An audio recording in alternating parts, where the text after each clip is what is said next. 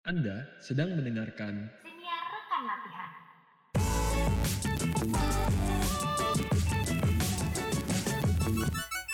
Hai semuanya, kembali lagi di Siniarkan Latihan, tempat kita belajar berlatih bareng, upgrade diri untuk menjadi lebih dewasa. Hari ini kita akan bahas sesuatu yang berbeda dari sebelum-sebelumnya. Dan sebelum kita mencapai ke sebuah topik yang mungkin dirasa relevan ya buat beberapa orang belakangan ini karena, eee, banyak dari rekan-rekan gue pribadi, eee, cerita hal-hal yang serupa. Gue pengen nanya dulu ke Shelly, partner gue dari episode 1. Bagaimana kesibukannya dan apakah lu mengalami kendala atau problem yang lu alami di kesibukan-kesibukan lu? Nah, pertanyaan yang sangat bagus ya. Jadi sama seperti rekan-rekan lu yang lainnya, gue juga mengalami kendala nih di ke salah satu kesibukan gue. Jadi mungkin kalau para teman-teman udah tahu nih dari episode-episode sebelumnya, gue kan, eee, mendapat project baru di mana posisi gue adalah sebagai ketua project itu gitu. Dan ini baru terjadi nih siang tadi, jadi masih anget-anget banget deh. Wih, tempe anget tempe. Jadi langsung gue aja ceri langsung aja gue ceritain. Jadi tadi itu kita lagi rapat nih, terus pas rapat kita tuh sempet mumet karena nggak ada ide. Jadinya ya alhasil kita diem-dieman aja di Zoom gitu. Dan gue pribadi tuh merasa juga capek gitu loh, karena kan siapa sih yang nggak capek gitu, kita di depan laptop setiap hari dan nggak ngapa-ngapain juga membuang waktu kan ya, dan nggak efektif juga rapatnya. Dan gue juga sempat gak nyaman nih, karena di satu sisi gue nggak bisa maksa nih mereka untuk, "Ayo dong guys, keluarin ide kalian." Nggak bisa gitu dong. Tapi di sisi lain gue juga nggak bisa nih biarin mereka diem-diem doang, karena kita masih ada beberapa agenda yang perlu dibahas lagi. Gitu sih, itu yang saat ini gue sedang alami. Wih, problemnya problem masyarakat seluruh dunia ya, Zoom sepi, Wah, itu udah penyakit sih. Penyakit. Ya mungkin semua orang lagi lelah. Mhm, nggak cuman Sama gue gue. juga lagi lelah gue juga Heeh. lagi lelah, nggak lelah-lelah banget, tapi gini, ceritanya gue lagi ikut lomba ya, sama temen-temen gue, jadi gue nggak sendiri. Oh, heeh heeh. Dan di perlombaan ini tuh agendanya lumayan banyak. Jadi adalah beberapa workshop yang harus kita datengin di weekend pula gitu. Padat berarti ya? Jadi ya lumayan padat. Di sa di samping itu kita juga harus nyelesain paper-nya dalam Mhm, waktu yang juga nggak banyak, jadi cukup singkat. Dan itu buat gua sedikit harus nge-rush di beberapa kegiatan, mhm. tapi juga harus bisa tetap, mmm, semangat di akhir pekan dan itu buat gua cukup lelah. Mhm. Ya, gue juga relate sih karena nggak cuman di project gue doang, tapi di kerjaan gue juga merasa hal yang sama gitu, kayak entah kenapa energi level energi gue tuh berbeda gitu dari biasanya dan ya jadi capek aja sih. Mungkin minggu ini emang ditakdirkan untuk minggu yang capek gitu ya untuk semua orang. Heeh, betul. Dan mungkin bukan hanya dalam konteks kelelahan ya, tapi bisa aja orang mungkin merasa atau mendapatkan pengalaman yang lagi nggak nyaman di pekerjaannya atau di perkuliahannya, atau di sebuah kepanitiaan ya, kalau Mhm misalkan di kampus. Dan hal ini sebenarnya sangat wajar kalau misalkan terjadi dalam kehidupan kita. Tapi satu hal yang ingin kita bahas hari ini, gue pengen ngajak lu juga untuk diskusi tentang ini, adalah bagaimana kita bisa mencintai proses yang sedang kita jalani. Mmm, walaupun gak nyaman ya? Walaupun nggak nyaman, walaupun menyakitkan, dan walaupun kadang-kadang mengecewakan ya, Mmm, bener tapi kita harus tetap mencintai proses kita dan tetap maju menjalani proses-proses berikutnya. Mmm, mhm mhm. Ya walaupun susah tetap harus dijalani lah ya, karena kan pasti akan mendapatkan sesuatu. Nah ngobrol-ngobrol sama lu, gue jadi nyadar nih Dam, benang merahnya dari cerita lu dan gua gitu. Jadi yang pertama yang pengen gua note adalah kita tuh sedang dalam proses awal nih, kita lagi di tahap awal nih Dam. Makanya wajar aja sih kalau misalnya kita bingung, kita nge kita merasa nggak nyaman gitu dengan sebuah pengalaman yang sedang kita alami gitu. Karena pada dasarnya ketika kita lagi di tahap-tahap awal, itu pasti akan membingungkan gitu. Kita pasti akan bingung, kita akan ngangong, karena we're trying to figure it out gitu. Dan kalau di sisi gua, gua sedang membangun dasarnya nih. Gua sedang membangun konsep acaranya seperti apa, seberapa besar skala acaranya, dan apa aja yang menjadi kebutuhan kita gitu. Karena kita memang harus plan sebelumnya gitu, sebelum dilaksanakan. Dan kalau lu, mungkin lu harus bisa meng lu harus bisa untuk fit workshop-workshop di weekend gitu ke dalam hari-hari lu dan lu mungkin agak bingung juga gimana caranya gue bisa nge-balance ini dengan waktu weekend gua gitu kan. Ya contohnya kayak bangun rumah lah ya, kita perlu nentuin dulu nih rumahnya mau seberapa besar, berapa lantai, mau pakai apa aja materialnya. Tapi di samping itu kita perlu tahu juga nih kalau ini memang di tahap awal, jadi proses kita masih panjang banget gitu, journey kita masih panjang dan di tahap ini menurut gue we have nothing to worry about karena kita lagi trial dan error gitu sih. Ya sepakat sama yang lu ceritain tadi dan apa yang lu coba untuk kasih penjelasan ya dari poin tentang journey ini. Mhm. Karena gue percaya sebenarnya kita juga dalam kehidupan ini ya, terutama buat teman-teman para pendengar, rekan latihan yang Mmm. mungkin juga masih struggling di posisi yang sama, mungkin masih kuliah atau sekarang udah kerja atau masih SMA. Masih ada banyak waktu untuk kita mencapai titik yang kita tuju. Dan artinya kita nggak harus bisa settle sekarang juga, kita nggak harus langsung ready sekarang juga. Kita bisa menggunakan kesempatan yang ada untuk ya menikmati aja prosesnya. Ada banyak mungkin kesalahan, mungkin ada hal-hal yang nggak enak dan itu sangat-sangat wajar dan perlu kita tetap nikmati dan tetap kita ambil, sembari kita juga terus maju ke depan. Dalam hal ini, gua mengutip dari seseorang kebanggaan gua, Siapa tuh? Mas Panji Pragiwaksono, di mana dia itu sempat membahas sesuatu ya tentang berkaitan dengan sebuah film. Mhm. Kaitan juga dalam setiap pekerjaan yang kita sedang jalanin, sebuah makarya itu nggak mungkin akan tercipta sebelum kita menciptakan karya-karya yang mungkin sebelumnya belum baik. Nah ini gue Mmm. coba paraphrase kembali ya. Karena sebelum kita punya nih, misalnya bisnis yang gede banget, yang mewah seperti para, eee, influencer-influencer yang kita ikuti ya, Mhm. pasti kita juga perlu membangun bisnis dari tahap yang kecil, dari tahap yang masih sederhana banget, dari mulai kita bahkan mungkin masih produksinya di rumah gitu. Mhm mhm mhm. Dan kalau misalkan lu pengen menjadi seorang pelukis ternama nih kayak Leonardo da Vinci misalnya, atau siapa pun ya. Leonardo da Vinci juga dulu masih ngelukis di buku gambar, kayak dia masih mhm masih ya mhm. kan maksud dia masih Catnya sekolah masih mungkin ya. murahan. Iya masih murah mungkin dia masih gambar 2 gunung tuh, gua percaya dari situ tuh awal 2 Oh, gunung, 2 matahari gunung terus matahari di tengah, terus ada sawah. sawah, terus pohonnya di kiri biasanya, satu doang. Oh, terus ada burungnya ga gambarnya W terbalik. W terbalik padahal lu M juga bisa tahu. Oh iya, effort banget ya untuk dibalik si W-nya. Iya. Nah, terlepas dari jokes itu ya, memang ada prosesnya dan ada waktu yang harus kita jalanin. Nah, gue punya cerita nih. Wih, asik. Boleh boleh. Gue tuh pernah terlibat dalam satu kepanitiaan. Ini adalah sebuah konser online, sebuah konser online untuk suatu orkestra. Nah, di saat gue menjalani kepanitiaan kepanitiaan ini, gue sebenarnya memang punya beberapa kesibukan lain, baik selain di kuliah juga. Dan pada saat itu memang secara prioritas gue lebih memprioritaskan beberapa kesibukan yang lain karena gue udah terlibat di kegiatan lain tuh lebih dulu. Mmm, mhm mhm. Sembari berjalan ada banyak hal yang mungkin bikin nggak sreg ya di dalam kepanitiaan ini. Lebih ke apa yang gue rasakan aja sih, mungkin gue kurang lebih kurang concern ya terhadap kepanitiaan ini sehingga ada beberapa yang mungkin nggak fit sama gue. Mmm, mhm mhm. Dan gue pernah ada di titik di mana s gue pengen, "Udahlah gue berhenti aja dari sini mengundurkan diri." Mau nama gue buruk dan segala macam, Oh, yang penting gue mau wow. lepas dari iya gue pernah merasa di sampai di titik itu gitu. Terus terus?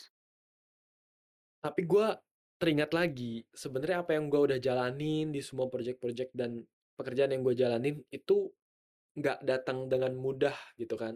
Mmm, iya iya. Sekarang mungkin gue sekarang di organisasi sebagai ketua, itu semua ada prosesnya, ada hal-hal yang nggak enak yang gue harus lewatin. Mhm. Dan kalau gue juga menyerah di titik ini, Maksudnya gue kalau gue menyerah di titik ini, dan gue memutuskan untuk tidak menyelesaikan sebuah karya yang mungkin, eee, belum sehebat sebuah konser mahakarya yang ada di luar sana ya, mungkin gue akan mencapai titik yang lebih tinggi. Mmm, jadi Karena gue prosesnya kalah. stop gitu ya? Iya, proses gue berhenti, gue nggak mau lanjutin lagi. So, gue akhirnya memutuskan untuk u gue harus back on track, gue harus berikan yang terbaik, dan gue mencoba memperbaiki itu dan syukurnya sampai di akhir hari H acara semuanya berjalan dengan baik, pertunjukannya juga bagus, teman-teman yang ada di kepanitiaannya juga menjadi lebih terhubung daripada sebelumnya, ya gue punya network yang baru akhirnya. So, Mmm, sebuah mhm. keputusan yang gue sangat syukuri untuk bisa terus berga eee, berlanjut dan lebih mencintai apa yang gue lakukan. Mmm, mhm, menarik sih. Karena menurut gua semua orang pasti pernah mengalami tahap-tahap itu gitu yang lu ceritain. Mungkin beda konteks gitu ya. Dan cerita lu hanya menunjukkan kalau misalnya proses itu menyakitkan gitu, proses itu nggak mudah gitu loh. Kalau mudah mah semua orang juga udah berhasil gitu kan.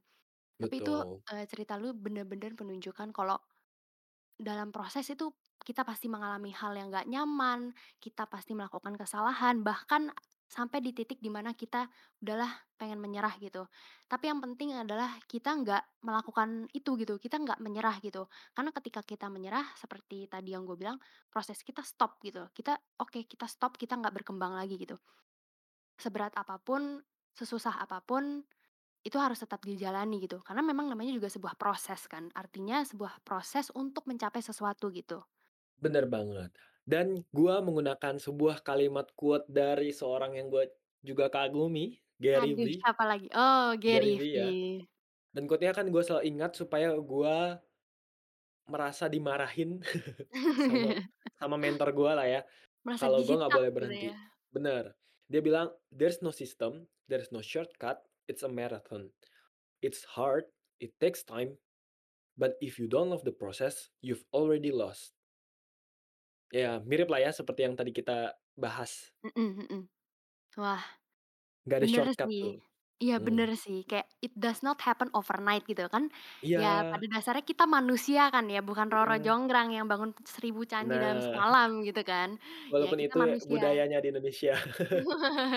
Walaupun budayanya SKS ya. Tapi ya kalau mau mencapai ke titik yang lebih hebat kan nggak mungkin kita loncat dari A sampai Z gitu kan. Ada proses-proses yang perlu kita lalui dulu gitu supaya kita bisa, eee, sampai ke titik Z itu. Tapi ya setelah gue mendengar kata-kata Gary Vee yang lu tadi sebutin, gue jadi keinget satu hal sih Dam. Kayak ada pentingnya juga nih ketika kita sedang mengerjakan project, atau kita sedang running organisasi, atau apa pun lah itu, kita tuh harus bener-bener suka dengan apa yang kita kerjain gitu. Karena kalau gue pribadi ya, kalau gue nggak suka atau gue nggak yakin dengan sesuatu, itu gue nggak akan komit gitu. Dan akhirnya kinerja gue nggak akan maksimal gitu. Ya, setuju banget di situ.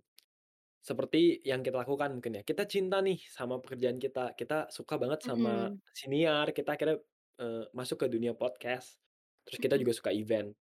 Satu hal yang mhm. gua notice saat kita lagi ngobrol-ngobrol gini, kalau di skrip kita nih ya, itu ditulisnya poinnya adalah kerjakan dan lakukan hal yang kita cintai. Tapi sebenarnya, eee, yang lebih menarik lagi adalah ketika kita mencintai apa yang kita kerjakan dan kita lakukan, ya.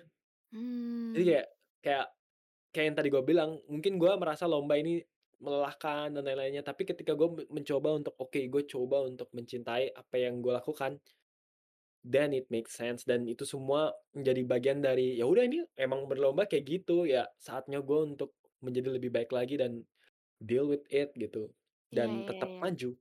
Iya iya iya iya. Bener sih. Kayak ini nggak sih, gue jadi keinget quote ini nih, "Do what you love, love what you do." Iya, Bener gak sih? something like that, something Iya, like itu quote sangat populer ya. Tapi nih ya Dam, gue nggak jarang nih ketemu orang-orang yang mengejar target gitu dalam hidup mereka. Menurut tuh ada kaitannya nggak ya dengan yang lagi kita bahas dan kalau misalnya ada, gimana nih pendapat tuh? Gue penasaran. kalau pendapat gue ya, semakin gue mengejar target Misalkan gue ingin berhasil, gue ingin menjadi juara satu misalnya di perlombaan nih, gue ingin jadi Mhm, juara satu, gue pengen bisa membanggakan orang-orang yang ada di sekitar gue, gue akan masuk ke dalam trap di mana pencapaian yang gue inginkan itu sebenarnya semu. Mmm. Karena gue sebenarnya ikut lomba juga dari SMP, SMA udah sering ikut lomba dan tiap kali gue ikut lomba, lalu gue akhirnya menang ya, juara satu, juara 2, atau juara 3, atau juara harapan juga pernah. Kesenangan atau heboh-hebohnya itu sebenarnya cuma sebentar doang, paling 2 hari atau paling Mmm. mentok seminggu, habis itu udah gue I'm an ordi ordinary kid already, Habis itu ordinary student. kalau misalnya ada salah, "Adam ke ruang BK." Iya, eee, dan itu terjadi ya, Oh, terjadi. Mungkin boleh diceritain next time ya. Iya, gue udah sering menang lomba, tapi gue waktu itu diundang ke BK, nggak ngerti juga kenapa. Waduh, Nantilah memang ya kita ceritain. bisa cerita lucu itu. Eee, satu lagi analogi yang menarik, kalau misalkan kita nih, kan kita sering ngadain event ya, dan lingkungan kita juga orang-orang yang suka bikin event, kita pasti sering banget ngerasa tiap kali event itu selesai, kayak, "Yah gini doang nih," gitu, atau kayak, Ih, "Yah bener udah kelar." banget. Iya, bener banget Ya bener kan? banget. Padahal kerjanya tuh berbulan-bulan, Iya, bener. bertahun-tahun, ada klimaks gitu kan? Iya, ada tangisan di sana, ada Ada mental ada kerja breakdown. keras, mhm, mental, psikis juga kena. Tapi yang sebenarnya kita harus kejar itu adalah perasaan happy-nya itu. Karena pada saat kita bikin event, perasaan enjoy-nya itu ketika kita ngerjain event-nya, kita nge-crafting idenya, kita mecahin masalahnya, kita Mmm, menemukan bener. solusi dari dari beberapa hal yang terjadi di dalam kepanitiaan misalnya. Dan kalau kita lomba, bikin konsep yang kita inginkan itu di apa ya, presentasiin pada saat perlombaan atau kita latihan buat lombanya, itu sebenarnya yang sangat menyenangkan. Sehingga banyak orang mungkin juga akhirnya menyadari bahwa ketika kita selesai bikin event, yang kita butuhkan adalah event-nya itu ada lagi kan, jadi kita bikin Iya, event lagi. Karena kita mau mengulangi proses itu dan ya Mmm. itu menunjukkan itu membuktikan ya pembicaraan kita hari ini bahwa proses itu lebih menyenangkan daripada kita melihat hasilnya. Mhm mhm, bener sih. Karena kayak kayak maraton aja gitu ketika kita udah cam sam ketika kita udah sampai di finish line, kayaknya berasa, "Loh kok gitu doang?" Gitu loh. Padahal Iya. pas kita lagi maraton, waduh susah banget Wih, lah, seru banget. lah, capek lah, Betul. apanya itu justru itu yang bikin seru sih. Karena itu Bener banget. nyata gitu loh, itu nyata banget dan kita alami secara langsung kan. Setuju. Gue jadi nyadar juga nih satu hal, ketika lu ngomong tadi ya, kalau misalnya uang, jabatan, reputasi, atau apa pun lah itu yang menjadi target tuh, sebenarnya tuh dampak gitu loh. Dampak ya, bukan tujuan utamanya. Kayak reward-nya gitu loh atas kerja keras kita, atas etos kerja kita, atas effort dan usaha atau waktu gitu yang udah kita tuangin. Padahal ya, perlu kita sadari kalau misalnya tujuan utamanya tuh seharusnya karena kita ingin menjadi lebih baik gitu dari sebelumnya. Karena kita ingin berkembang gitu, karena kita ingin membawa impact baik ke diri kita atau orang sekitar kita gitu. Dan menurut gue ini jadi penting banget gitu, karena ketika tujuan kita salah, itu bakal berpengaruh gitu ke konsistensi kita, ke seberapa gigih kita gitu dalam mengerjakan project itu. Ya, gue gue sepakat di situ, karena kalau misalkan kita reflektif lagi ya, kita refleksi ke belakang apa yang kita miliki sekarang itu sebenarnya buk eee, hasil dari kerja keras kita, atau mungkin dari Mhm. etos kerja kita, dari apa yang kita tabur kan. Jadi ya again, it's lebih ke dampak ya daripada sesuatu yang kita kejar. Mhm, bener bener. Efek sampingnya lah ya. Bener. Dan ini membuktikan bahwa berproses itu artinya we are not there yet, artinya kita masih harus terus melangkah. Mhm, bener Akan bener ada bener. banyak hal yang nggak enak, ada banyak hal yang mungkin bikin kita malu, bikin kita grogi, bikin Iya, kita secara fisik, mental lelah. heeh. Tapi ini membuktikan bahwa nggak ada alasan untuk kita kecewa karena kita belum berhasil. Justru kita harus tahu bahwa ini menandakan bahwa kita masih ada kesempatan untuk terus bisa berkembang. Dan pembicaraan tadi akan menutup diskusi kita hari ini. Terima kasih Shelly. Nggak terasa ya 20 menit udah lewat. 20 menitan seperti biasa dan sudah saatnya kita me-recap apa yang kita pelajari Iya, hari ini. kalau di skrip disuruh recap, ya udah kita recap. Ya, tadi ada jeda sebelumnya. Yang pertama adalah berproses itu butuh waktu. Jadi don't worry about it. Kalau misalkan kita masih belum di sana, kita masih belum go through our apa ya problem dan banyak hal yang terjadi, nggak apa-apa. Proses itu memang butuh waktu. Yang kedua, target itu bukan hasil akhir. Jadi target kita saat ini adalah ya udah berkarya aja lebih baik dari sebelumnya, bekerja aja lebih baik dari sebelumnya, do better every day. Dan yang terakhir adalah mulailah berkarya lalu buat lebih baik. By Panji Pragiwaksono. Sih. Mungkin kalau gue boleh, gue juga pengen nambahin nih. Menurut gue, mmm, ketika kita berproses ya, ada baiknya kita nggak membandingkan proses yang sedang kita alami dengan proses yang orang lain sedang alami gitu. Jadi you do you aja at your own pace gitu. Jadi nggak perlu membandingkan diri sendiri dengan orang lain gitu. Kita memang berproses dengan our own pace dan it's okay gitu.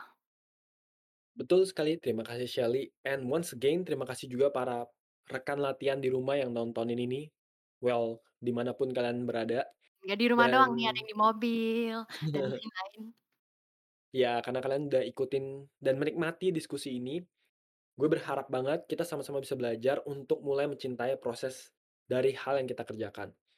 Dan kita bisa selalu menjadi lebih baik dari yang sebelumnya. Sik. Nah, tenang aja. Nanti untuk nemenin kalian latihan bareng, kita bakal upload konten-konten seputar obrolan hari ini di Instagram @rekanlatihan. Dan ingat, kalian juga bisa banget DM kita untuk request topik-topik yang menarik buat kita bahas bareng. Entah itu mungkin lanjutan dari proses apa, mungkin tentang sukses, terserah kalian. Langsung aja ke DM kita. Terus juga jangan lupa follow siniar ini dan kita bakal bertemu lagi di minggu depan dengan obrolan yang gak kalah seru dengan hari ini. So, ditunggu aja dan sampai jumpa.